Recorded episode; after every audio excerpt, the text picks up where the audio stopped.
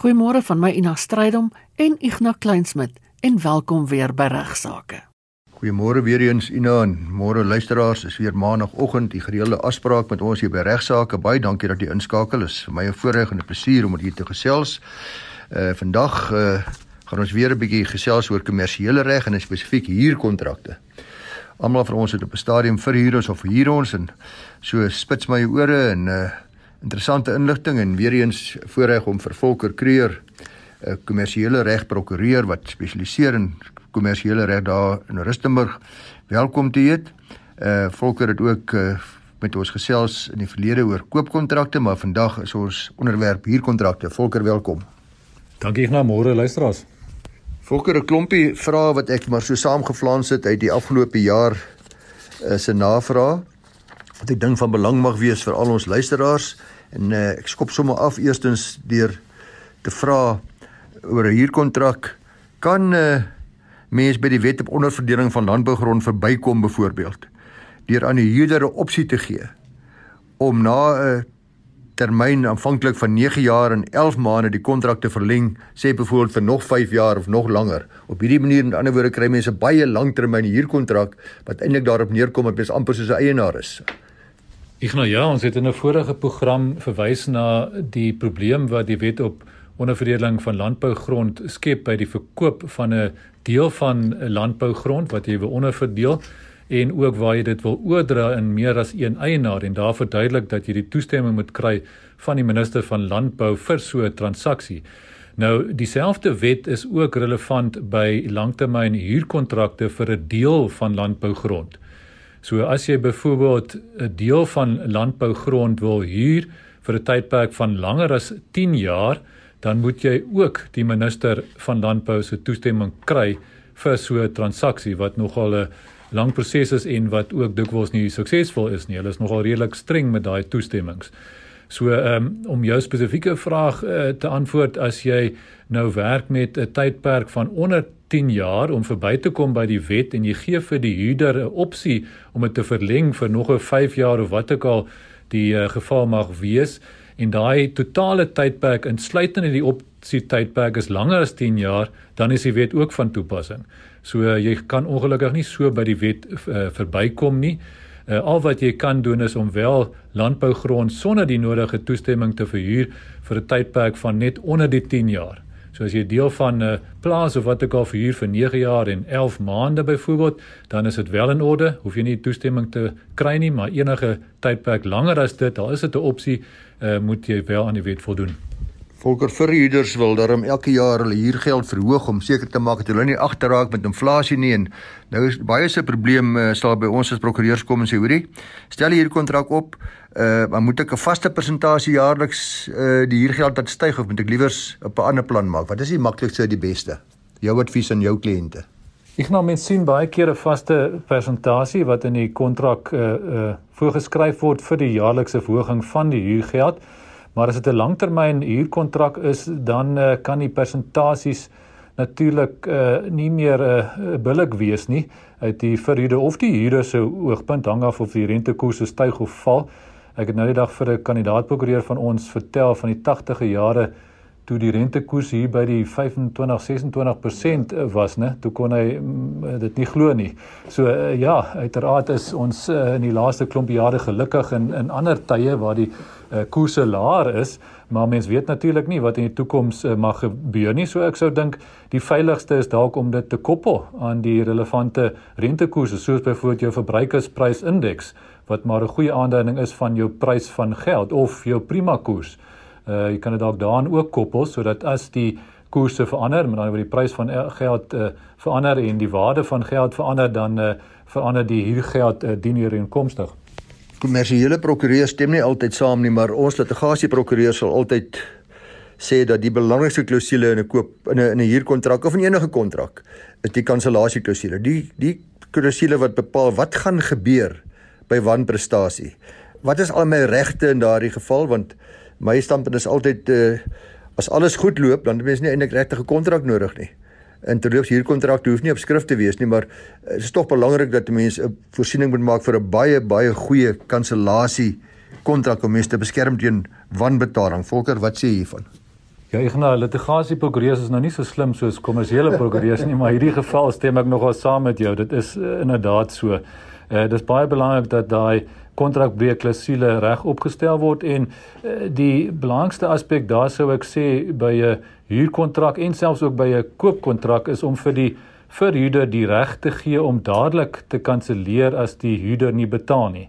So ek sou voorstel dat 'n mens nie nog voorsiening maak vir 'n aanmaningstydperk wat die verhuurder uh, moet nakom nie, dat hy nou eers moet kennis gee aan die huurder as hy nou in versuim sou wees, daar's dalk probleme om daai kennisgewing te beteken of daar word sekere vereistes uh, voorgeskryf in die kontrak uh, en so meer en dan is daar ook 'n verdere tydsverloop. So ja, ek dink wat daar maar belangrik is om te sorg dat daar uh, die die reg aan die verkoper gegee word om dadelik te kanselleer as die huurder nie besteer nie en dan is dit natuurlik baie belangrik om dadelik op te tree. Uh, dit gebeur dikwels dat 'n mens jammer voel vir die huurder in hierdie tye natuurlik met die uh, grendel voorskrifte en so meer is baie huurders nie in staat om te betaal nie en as 'n verhuurder het 'n mens natuurlik baie keer simpatie maar dit is ongelukkig so dat dit jou later ook kan byt so ek dink ou moet maar so gou as moontlik as verhuurder as jy dit suiwer as 'n besigheid bedryf die verhuuring van jou eiendomme optree as die huurder sou versuim om te betaal om dadelik maar die kontrak te kanselleer en dan uh, te sorg dat die huurder maar liewes uittrek en dan 'n ander huurder 'n uh, soek wat uh, hopelik wel sal betaal. Dankie Volker. Die luisteraars moet verskoning maak dat ek moet ek het vergeet om te meld dat uh, Volker het ongelukkig sy studies voltooi daar by Universiteit van Pretoria en nie by die Universiteit van Noordwes of die ou Pikke nie, maar uh, in elk geval hy het daarom sy opleiding by my gekry terwyl hy by my leerterskap gedoen het. So daarom kan ons hom wel gebruik. Uh Volker Piet nader vir Jacques om 'n deel van sy plaas in die Noord-Kaap te huur. Hy wil graag perskebome plant. Hy glo daar is potensiaal in daardie dele en uh, maar uh, Jacques is baie huiwerig om hierdie voorstel te aanvaar. En uh, Piet probeer hom reed en hy sê uh, hy sal vir Jacques 'n deel van die opbrengs van die oes gee as deel van die huurgeld. Aan die ander woorde sê maar 'n vaste bedrag per maand plus 10% van die opbrengs of wat ek nogal en die vraag is is dit aanvaarbaar om so va huurgeld te beding? Ja, so 'n kontrak moet natuurlik mooi bewoord word om seker te maak dat daar nie misverstande is nie oor byvoorbeeld wat opbrengs beteken, want uh, dit kan natuurlik uh, verskillende interpretasies tot 'n gevolg hê. So ehm um, ja, dis seker maar 'n bietjie van 'n risiko wat 'n mens dan as verhuurder vat want jy weet nie of die boerderybedrywigheid suksesvol gaan wees en of jy dan 'n goeie deel van die opbrengs sal gaan ontvang of nie. Maar as jy verleë is om jou uh, grond te verhuur en daar's nou nie ander huurders wat in die ry staan wat bereid is om 'n vaste huurgeld wat vir jou aanvaarbaar is te betaal, dan is dit dalk tog iets wat mense moet uh, oorweeg. En nog 'n opsie om die risiko so bietjie te beperk sou dalk wees om 'n kombinasie te gebruik van die twee. Met ander woorde, daarom 'n redelike vaste huurgeld en dan uh, gekoppel aan 'n deel van die opbrengs wat jy boonbehalwe die vaste huurgeld elke jaar moet ontvang. Maar weer eens daar sou ek voorstel dat 'n mens maar 'n uh, behoorlike uh, kundige advies inwin om daai uh, relevante klausules mooi te bewoord. Ek het al meer as een keer 'n kontrak gesien waar daar gepraat word van wins of netto wins of opbrengs sonder dat daar 'n behoorlike uh, definisie is vir dit en dit kan natuurlik tot baie misverstande en selfs litigasie aanleiding gee. So uh, kyk maar mooi na die bewoording van so 'n ooreenkoms. Volker, jy sal weet hier in Rustenburg is daar onlangs berigte gewees in ons plaaslike koerant van huise wat uh, vir doeleindes waarvoor dit nie bedoel was nie verhuur word onder bordele en dan klaar die bure en die hele gemeenskap klaar daar's 'n in en uitry van motors en daar's allerlei dinge wat daar gebeur tot laat in die nag en vroeg in die oggende. En ons het ook so skrywe ontvang van 'n uh, uh, uh, luisteraar in Lichtenburg baie dieselfde. Hy sê hy het al uh, uit 'n 5 jaar huurkontrak aangegaan met 'n huurder. Uh, hy kry elke maand stipliks huurgeld en nou skielik het die bure by hom kom klaar, die bure van van die huurder wat sê dat daar sonder twyfel 'n bordeel wat op daardie perseel bedryf word. Nou uh, uh, fynkie wat die, die brief geskryf het is nie baie in sy skikkie mee nie en hy sê dit is dit gaan teen sy grein, is teen sy morele waardes en hy wil weet of hy hierdie huurder dadelik kan uitsit en hoe kan hy maak want die huurder het nog 'n 2 en 'n half jaar termyn wat nog onverstreke is. Ek gaan ek sou sê dit hang af van wat die huurkontrak bepaal. Jou uh, tipiese huurkontrak sal wel voorsiening daarvoor maak dat die huurder slegs die eiendom vir sekere doeleindes wat in die huurkontrak bepaal word mag gebruik. Uh, as dit die geval is, dan gaan hy die huurder kan vasvat en uh, kan aanspreek op grond van kontrakbreuk, kan eis dat hy die eiendom slegs gebruik vir die doenes wat in die kontrak bepaal word en as hy dit nou nie doen nie, dan kom dit natuurlik neer op kontrakbreuk en dan so sou hy myns insiens uh, in staat wees om die kontrak te kanselleer en die huurder uit te sit. So um, ja, ek dink die wenk is uh, wenk is daar maar weer om seker te maak dat wanneer jy huurkontrak teken as verhuurder dat jy ook voorsiening maak vir 'n klousule wat voorskryf waarvoor die huurder die eiendom mag gebruik. Byvoorbeeld ook kan 'n mens insit dat daar beperking is op die getal okkupeerders wat in die perseel mag woon. Dit is ook maar 'n kopseer wat hier uh, verhuurders dikwels he, uh, het waar uh, daar dan sommer 'n klomp mense in die huis uh, bly wat natuurlik skade kan veroorsaak wat natuurlik die um, bure kan pla en so meer. So maak maar seker dat daar 'n behoorlike klousule is in jou huurkontrak wat hierdie sake dek. Ja, ons praat vandag oor huurkontrakte met Volker Creer, 'n spesialis kommersiële reg prokureur. Volker, die verhuurder sit die huurder uit, hy het wan betaal. Gelukkig vir hom kry hy dan redelik vinnig 'n nuwe huurder. Maar toe hy gaan kyk na die betalings wat hy gekry het van die vorige huurder vir die laaste klompie jare, toe kom hy agter dat die opbrengs van hierdie verhuuring eintlik jaarliks gekrimp het, dood eenvoudig omdat die gewellige stygings wat ons deesdae het in munisipale belastings die wins weggekerf het. Nou, hy wil weet met sy nuwe huurder nou wat hy wil kontrak aangaan, hoe kan hy homself in hierdie verband beskerm wat die toekoms betref? Ja, ek nou mens kan 'n klousule in 'n huurkontrak invoeg waar volgens die huur ook gaan eskaleer wanneer die munisipale belastings vir die verhuurder verhoog sou word. En uh, ja, soos jy nou gesê het in in vandag se tye waar daar gewellige stygings is in munisipale belastings, is dit dalk maar 'n klousule waarna elke verhuurder behoort te kyk. Ons uh, het nou onlangs hier in Rusmig ook nuwe munisipale waardasies ontvang en van daai syfers is uh, skrikwekkend uh, die verhogings wat daar deur die munisipaliteit in baie gevalle deurgevoer word. So om seker te maak dat die netto opbrengs van die verhuurder dieselfde bly, kan 'n mens gerus kyk na so 'n klousule waar volgens 'n mens die huurgeld laat verhoog soos wat die munisipale belastings dalk vir die verhuurder verhoog sou word. Ja, in dieselfde trant volkere, jy kry beleggers wat dan in onroerende eiendom belê en hulle neem dan lenings om hierdie eiendom te betaal, maar hulle hoop dat hulle gaan 'n goeie opbrengs kry as hulle verhuur.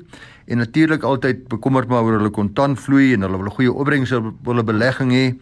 En jy as 'n kommersiële prokureur wat gereeld huurkontrakte vir sulke mense opstel, uh, wat doen jy om hulle te beskerm veral waar dit redelike langtermyn huurkontrakte is? Ja, soos ek vroeër gesê het, een opsie is om maar te kyk na die eskalasie van die huurgeld gekoppel aan inflasie. Ander uh, moontlikheid is om spesifiek die verhoging van die huurgeld op 'n jaarlikse basis ook te koppel aan die verbandpaaiement wat die verhuurder betaal. Want uiteraard wil die verhuurder gewoonlik seker maak dat die huurgeld die verbandpaaiement dek of ten minste 'n groot deel daarvan om seker te maak weer eens dat die netto opbrengs daarom goed lyk. So dit is 'n opsie wat 'n verhuurder dan ook kan oorweeg om in die huurkontrak te sê soos wat die verbandpaaiement dalk verhoog omdat die rente koerse aangepas word, so verhoog die uh, huurgeld ook wat die uh, huurder dan moet betaal. Volker ons konstitusionele hof sukkel ook soms maar met huurkontrakte en onlangs moes hulle in 'n belangrike saak van Jordaan en ander teen die uh, stad van Swane se munisipaliteit se 2017 saak al in die hoogste hof van die land. Moes hulle bietjie gaan kyk of munisipaliteite geregtig is om skuld van 'n nuwe eienaar te eis wat aangegaan was deur 'n vorige eienaar, 'n werklike tamaletjie. Ja, nou ehm uh, die feite in die saak is die volgende. Die applikant in die saak was almal relatief nuwe eienaars van hulle eiendomme en in al die gevalle was daar historiese skuld aan die munisipaliteit betaalbaar wat aangegaan was deur vorige eienaars van die eiendom soos jy nou genoem het. Die applikante het gekla omdat die munisipaliteit dienste aan die applikante gestaak het of geweier het om verbruikersooreenkomste met hulle aan te gaan vir die lewering van die munisipale dienste totdat die historiese skuld in verband met die eiendom betaal was. Wat was hulle argumente? Ja, die munisipaliteite het aangevoer dat hulle geregtig was om die skuld by die nuwe eienaars te eis vanweë die bewoording van artikel 118 subartikel 3 van die Wet op Plaaslike Regering Munisipale Stelsels. Nou hierdie betrokke artikel bepaal soos volg en ek haal aan: 'n bedrag verskuldig vir munisipale diensgelde, bybetalings op gelde, eiendomsbelasting en ander munisipale belasting, heffings en pligte is 'n heffing op die eiendom in verband waarmee die bedrag verskuldig is en geniet voorkeur bo enige verband wat teen die eiendom geregistreer is. En wat het die hof toe beslis? Ja, die konstitusionele hof het in sy besluitnemingsproses na die oorsprong van die betrokke artikel gekyk omdat die historiese geskiedenis van die artikel insig oor die bedoeling agter die artikel gee, sê die hof. So die hof het uh, tot die gevolgtrekking gekom dat die doel van die artikel was om oordrag van eiendom met uitstaande munisipale skulde te belet deurdat die skulde eers betaal moes word voordat die eiendom oorgedra kan word. Dit skep dus 'n preferente eis, 'n voorkeur eis tydens 'n skuldinvorderingsproses. So die statutêre geskiedenis het geensins op die bedoeling gedui dat die munisipaliteit se eis vir skuld in verband met die eiendom oordrag van die eiendom moes oorleef nie. Artikel 25 moet sekere rol hier speel. Ja, die konstitusionele hof het verder gesê dat indien die artikel 118 subartikel 3 van die relevante wet die bedoelde skuldoordrag van 'n eiendom oorleef, dit sou neerkom op arbitreëre ontneming van eiendom in terme van artikel 25 van die grondwet. Uh, ek dink die meeste luisteraars weet in hierdie tyd waaroor artikel 25 van die grondwet gaan. Dis baie in die nuus oor die uh, onteiening sonder vergoedingsvoorstelle wat nou op die tafel is by die regering. Maar ja, artikel 25 stel dit duidelik dat geen wet wat die arbitreëre ontneming van eiendom mag bewerkstellig nie. So stel jouself voor jy koop 'n huis van 'n miljoen rand, maar die vorige eienaar het 200 000 aan die munisipaliteit geskuld. Jou eiendom sal vir alle praktiese doeleindes dan net 800 000 rand werd wees indien die skuld in terme van artikel 118.3 oorgedra kan word na jou as nuwe eienaar. So dit klink vir my ter afsluiting volker dat 'n uh, eh, goeie nuus vir ons luisteraars is dat die eienaar van eiendom nie aanspreeklik is vir skuld wat ontstaan het voordat hy oordrag van die eiendom geneem het nie. Dis die kruks van die uh, beslissing ja, Ignas en uh, definitief uh, goeie uh, nuus vir 'n uh, grondeienaars, ja. Volker ons het nou gesels uh oor die grondwet of uitspraak tot die feit dat 'n uh, koper nie verantwoordelik is uh vir die historiese skuld van die verkoper nie. Maar is jy as eienaar aanspreeklik vir die munisipale rekening van jou huurder? Ongelukkig ja, en ek vermoed dat daar dalk 'n paar luisteraars is wat al daai stel as verhuurder afgetrap het. So ja, maak maar seker dat jy op hoogte is van jou munisipale rekening as verhuurder. Hou maar oogie daaroor. Maak seker dat die uh, huurder dit uh, betaal as jou reëling met die huurder inderdaad is dat uh, hy die rekening gaan betaal want uh, gevolge die relevante wetgewing kan die munisipaliteit wel die eienaar van die eiendom altyd aanspreeklik hou ongeag wat die kontrak wat hy met 'n huurder um, het mag bepaal. Ja, jy weet Volker, ons luisteraars by RSG regsaake het altyd 'n baie billike regsgevoel en vir my klink hierdie dalk bietjie onregverdig teenoor verhuurders. Dan moet tog iets wees wat verhuurders regte beskerm of hoe? Ja, gelukkig verskaf dieselfde ordonnansies daarom ook 'n verhaalsreg vir eienaars teenoor hulle huurders.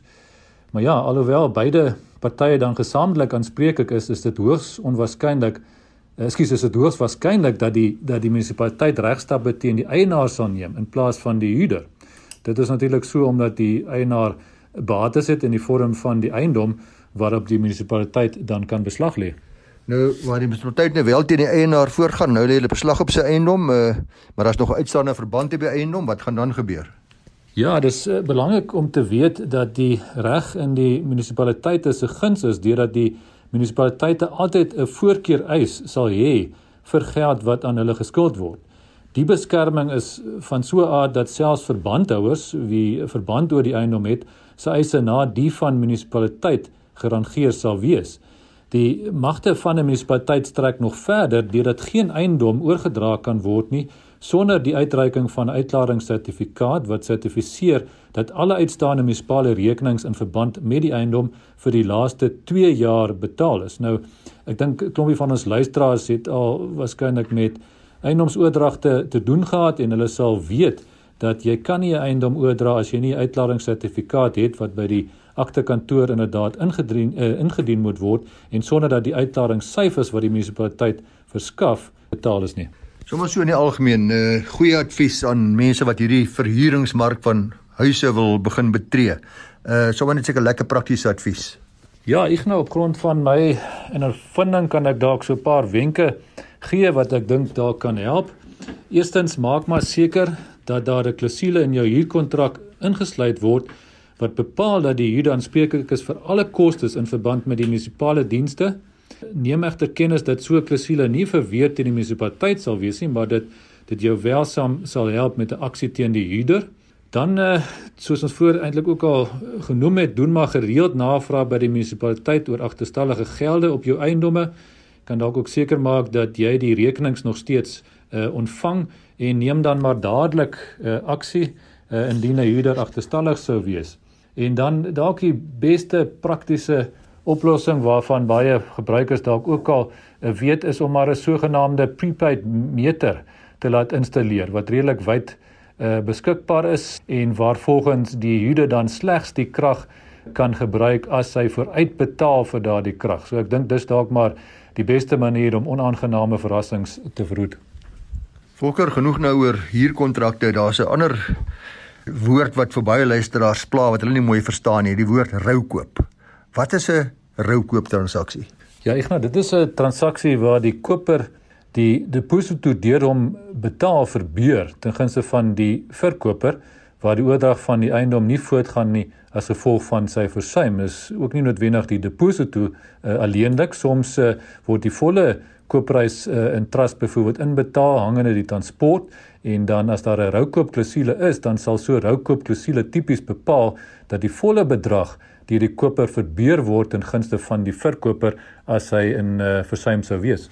Maar daai volle bedrag kan sekerlik soms baie onbillike gevolge hê. Aan die ander wyse sê nou maar ek het 80% deposito betaal. Dit klink tog nie vir my billik nie.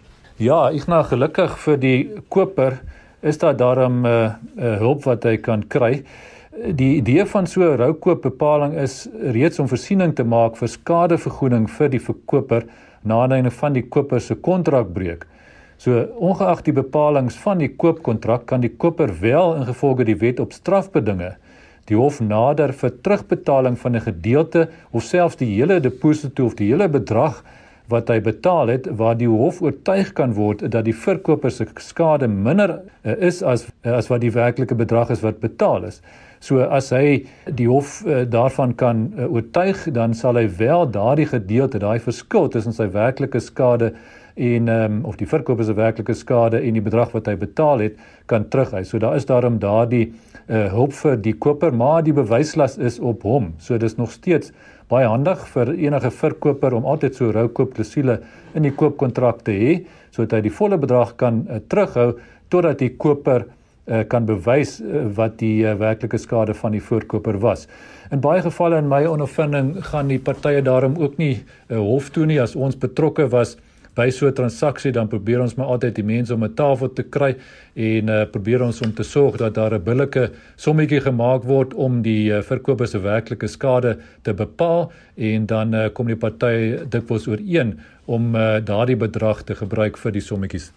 Volker ter afsluiting uh iets wat baie baie uh, litigasie veroorsaak, dis aanhegtings aan die eiendom wat ek gekoop het. Ek kom by die huis, sterre in die oë, pragtig, alles lyk mooi. Daar voor staan twee potte met broodbome in by die hek en ek is baie meskik met die broodbome wat ek koop. Binne in die huis is daar 'n kroeg, toonbank met stoele wat daar staan wat vir my lyk of dit vas is. Uh by dak sien ek antennes en TV skottels en alles lyk met 'n klopdusselboom, daar's 'n swembad, pomp, ag, alles lyk net te mooi. Koop die huis, trek in, broodbome is nie daar nie. Die kroeg is uitgehaal. Die antennes is weg. Nou is dit baie belangrik om te bepaal wat was vas en wat was nie vas nie. Wat was deel van die transaksie want daar in die koopkontrak het ongelukkig geswyg. Ja, nou dit is inderdaad die feite vraag wat altyd uh, beantwoord moet word. Uh, wat was permanente aanhegtings en wat nie? Want permanente aanhegtings is deel van die grond wat jy koop. So die uh, uh, koper kan al, altyd argumenteer dat al daai permanente aanhegtings aan hom behoort en uh, hy moet dit kry en as dit verwyder is dan kan hy natuurlik die verkoper aanspreeklik hou. Nou die uh, basiese beginsels is interessant genoeg baie jare terug uh, neergelê en dit word uh, deesdae nog steeds van tyd tot tyd na verwys in die howe is 'n McDonald's saak wat in 1915 uh, beslis is. Ek weet nie of jy al toegebore was net net nie. so in daai geval het die hof gesê die volgende 3 wesenlike vrae moet moet gestel word. Is die relevante aanhegting van so 'n aard dat dit deel van die onroerende eiendom vorm? So jy het nou nou gepraat sê kom ons vat 'n uh, 'n ligverkoeling wat ingebou is in die muur en wat net met groot skade verwyder kan word. Dit dink ek gaan 'n mens altyd met veiligheid kan argumenteer as 'n permanente aanhegting en dis deel van die verkoping. Volgende vraag sê die hof is dit uh, fisies vasgesit, vas aangeheg aan die eiendom as sulks. So as dit maklik verwyderbaar is, weder uh, weer eens as dit byvoorbeeld 'n uh, losstaande lugverkoeling is, dan is dit natuurlik nie 'n permanente aanhegting nie. So dit is nog 'n faktor. En dan die laaste een is uh, dit die bedoeling van die aanhegting gewees dat dit permanent van aard moet wees. So dit is maar die sleutelvraag en en en die laaste een spesifiek is maar waarna die hof gewoonlik sou kyk as daar dispuut is. My advies uh, is altyd om maar ehm um, ehm um, seker te maak dat jy in die kontrak daarmee handel. Mens verwag dit nie almal is opgewonde as die kontrak geteken word, die eiendomsagent is opgewonde, die verkoper is opgewonde, die koper is opgewonde, almal wil net teken. Maar glo my, doen maar daai 'n eh, detail werk en skryf in die kontrak voor wat inge wat wat ingesluit is en wat nie, dan hoef jy nie later hierdie regsvrae te antwoord oor of dit 'n permanente aanhegting is. Nou so so skryf lewe in die kontrak in of die broodbome ingesluit is of die lugverkoeling ingesluit is of die blinders ingesluit is of die uh, satellietskotte ingesluit is of die kroegstoele ingesluit is en so meer. So ek dink dit is dalk maar die belangrikste advies wat ons in die verband vir die luisteraars kan gee. Baie dankie weer eens aan jou Volker vir jou insette en die interessante inligting wat jy gedeel het. As jy met Volker wil 'n verbinding tree, Volker by vvd.co.za. Onthou sommer nou al vir u sê dat vanaf 13 tot 17 September 2021 is dit weer die Prokureursorde van Suid-Afrika wat hierdie program aanbied se testamenteweek. Jy kan die gratis testamente opstel by deelnemende prokureurs op 6 September. Gaan ek bietjie vir u meer daarvan vertel. Groete. En dis dan al vir vandag. Groete ook van my kant af. Ons is maandag weer terug met regsaake net hier op RSG.